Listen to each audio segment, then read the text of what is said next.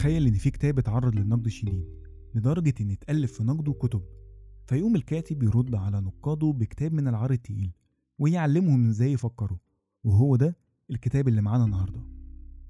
أهلا بيكم أنا محمود نشأت وده كلام كتب والنهاردة هنتكلم عن مهزلة العقل البشري للدكتور علي الوردي. القصة بدأت لما اتنشر كتاب لعلي الوردي باسم وعاظ السلاطين وزي ما هو باين كده من الاسم الكتاب مش هيكون محبوب قوي. وعلشان أوضح لك أكتر فلو تعرف كتاب الأمير لميكافيلي فهو عكسه تماما.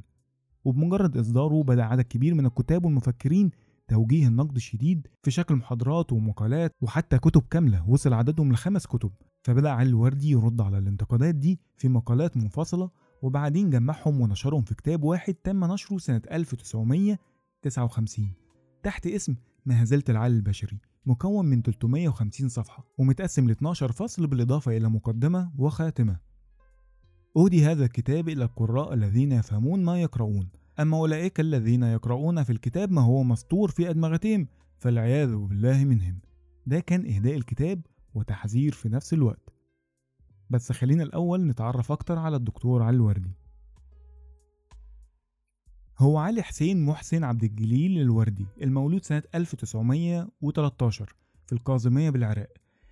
اتعرف بحبه للقراءة من صغره حتى لما ساب المدرسة سنة 24 اشتغل في محل عطارة. صاحب المحل طرده لأنه بيقرأ معظم الوقت وبيهمل الزباين. في سنة 31 رجع تاني للمدرسة المسائية بعد ما فتح لنفسه محل صغير.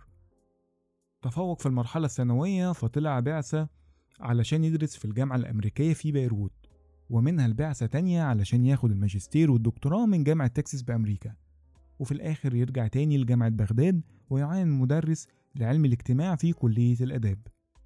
اتأثر جدا بتجربة الغرب المجتمعية وده سبب له مشاكل كتير مع المجتمع العراقي والعربي واللي بدأ الكتابة عنه وعن الشخصية المجتمعية. وبكده كان علي الوردي في العراق وجمال حمدان في مصر هما الواجهة لعلم الاجتماع الحديث في العالم العربي. كان دايما مثير للجدل لدرجة إنك يا هتحبه جدا يا هتكرهه جدا. أسلوبه خشن صريح مجرد من أي دبلوماسية أو عبارات تجميلية. وهي دي كانت نقطة قوته أو على الأقل النقطة اللي أنا حبيت بسببها علي الوردي. لكن مع الدكتور علي الوردي ما ينفعش تسلم عقلك بالكامل لآرائه أو حتى أسلوبه. نصيحة خد منه القاعدة وبلاش تاخد التطبيق. يعني مثلا هيقولك يا صديقي أنت قاسي جدا على المخالفين ليك في الرأي وخليك عارف إن كل واحد بيتأثر بالرأي حسب البيئة اللي عايش فيها. ولو أنت كنت مكان اللي مختلف معاه حاليا مش من المستبعد إنك تكون بنفس رأيه. ويضرب مثال إن كتير من المسلمين في الوقت الحالي بيقولوا إنهم لو كانوا موجودين وقت النبي محمد صلى الله عليه وسلم كانوا اتبعوه من أول وهلة. فهيقول لك لأ أنت حاليا متبع دين آبائك وفي الماضي كنت هتتبع دين آبائك برضه وكان من الممكن إنك تكون من أشد المعادين للدين الجديد كمان. لو تأملت الموضوع هو عنده حق.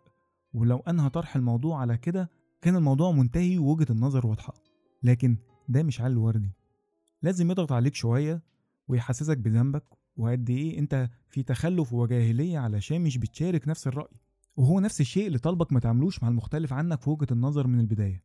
لكن ده ما يمنعش إن القاعدة في الأساس صحيحة. خلينا برضو نعرف عن العصر اللي كان فيه علي الوردي علشان الصورة توضح أكتر. علي الوردي عاش من سنة 1913 لسنة 95 والكتاب اللي معانا النهاردة 12 في أواخر الخمسينات يعني الفترة دي مش بعيدة عننا ونقدر نتخيل شكل المجتمع كان عامل إزاي. الجيل ده ما كانش عنده رفاهية اختبار حياة الغرب عن بعد. يعني كل اللي يعرفوه عن الغرب كان عن طريق الكتب أو السينما مثلا. فطبيعي اللي يروح هناك يتأثر بشكل زايد. حتى الآن لسه بنعاني من الانبهار بحضارات الغرب الحديث. بس اللي أقصده إن زمان كان الانبهار أكبر وكمان كان المنبهرين دول أكثر تأثيرا في مجتمعاتهم. والإنسان بطبعه بيدور على الأحسن واللي مفتقده. فتلاقي مثلا شخص تأثر جدا علشان شاف مواطن أوروبي ما بيرميش زبالة على الأرض أو بيحترم قواعد المرور فيبدأ يبني معنى للتحضر في عقله ويكون الشخص الأوروبي ده هو الموديل أو القدوة بتاعته ويبدأ ياخد بقية أفكاره وتصرفات هذا الشخص ويحطها تحت مظلة التحضر والتمدن. لحد دلوقتي ما عندناش أي مشكلة لكن بيتسرب معاها بعض الأفكار والتصرفات الغير مناسبة لمجتمعاتنا أو حتى ديننا فيبقى الحل هو رفض العادات الاجتماعية والتشكيك في أسس الدين علشان نكمل الطريق مع التجربة التحضرية الغربية. والحل المنطقي إنك تاخد الكويس وتسيب اللي مش متوافق معاك. لكن علي الوردي كان ضد الحل ده وشايف إن التجربة لازم تتنقل كاملة وإن هو ده التطور. وإنت لو وقفت ضده مجرد هتعطله مش أكتر لكن مستحيل هتوقفه. كان علي الوردي بيعرض وجهة النظر عن طريق تقسيم المسألة لفريقين فريق مع وفريق ضد فريق صاحب منطق قديم وفريق حديث ومجدد. وفي الطرح كان بيقف على بعد من الفريقين ولا ينسب نفسه إلى أي منهم. وفي اللحظة اللي هتقول فيها هو أكيد مع الفريق الفلاني هتلاقيه صدمك برأي يخليك تعيد التفكير. الطريقة دي أنا حبيتها لأنها بتدربك على سماع آراء معاكسة لبعض تماما ويكون عندك دايما احتمالية وجود صواب داخل الرأيين. نرجع للكتاب مرة تانية.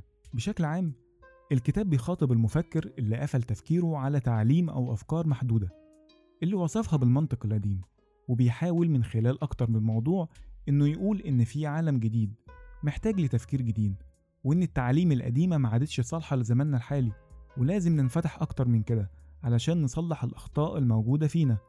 وبعدين نقدر نتقدم ونتطور. أسلوبه الصادم هيخليك منتبه طول الوقت. وده معناه إن مفيش ملل نهائي في القراية. كمان لما تيجي تقارن الأسلوب والأمثلة بغيره من كتب الفلسفة أو علم الاجتماع المترجمة أو العربية هتلاقي الأسلوب سهل جدا ومش بتبذل أي مجهود إضافي علشان تفهم المعنى وده بيزود من متعة قراية الكتاب.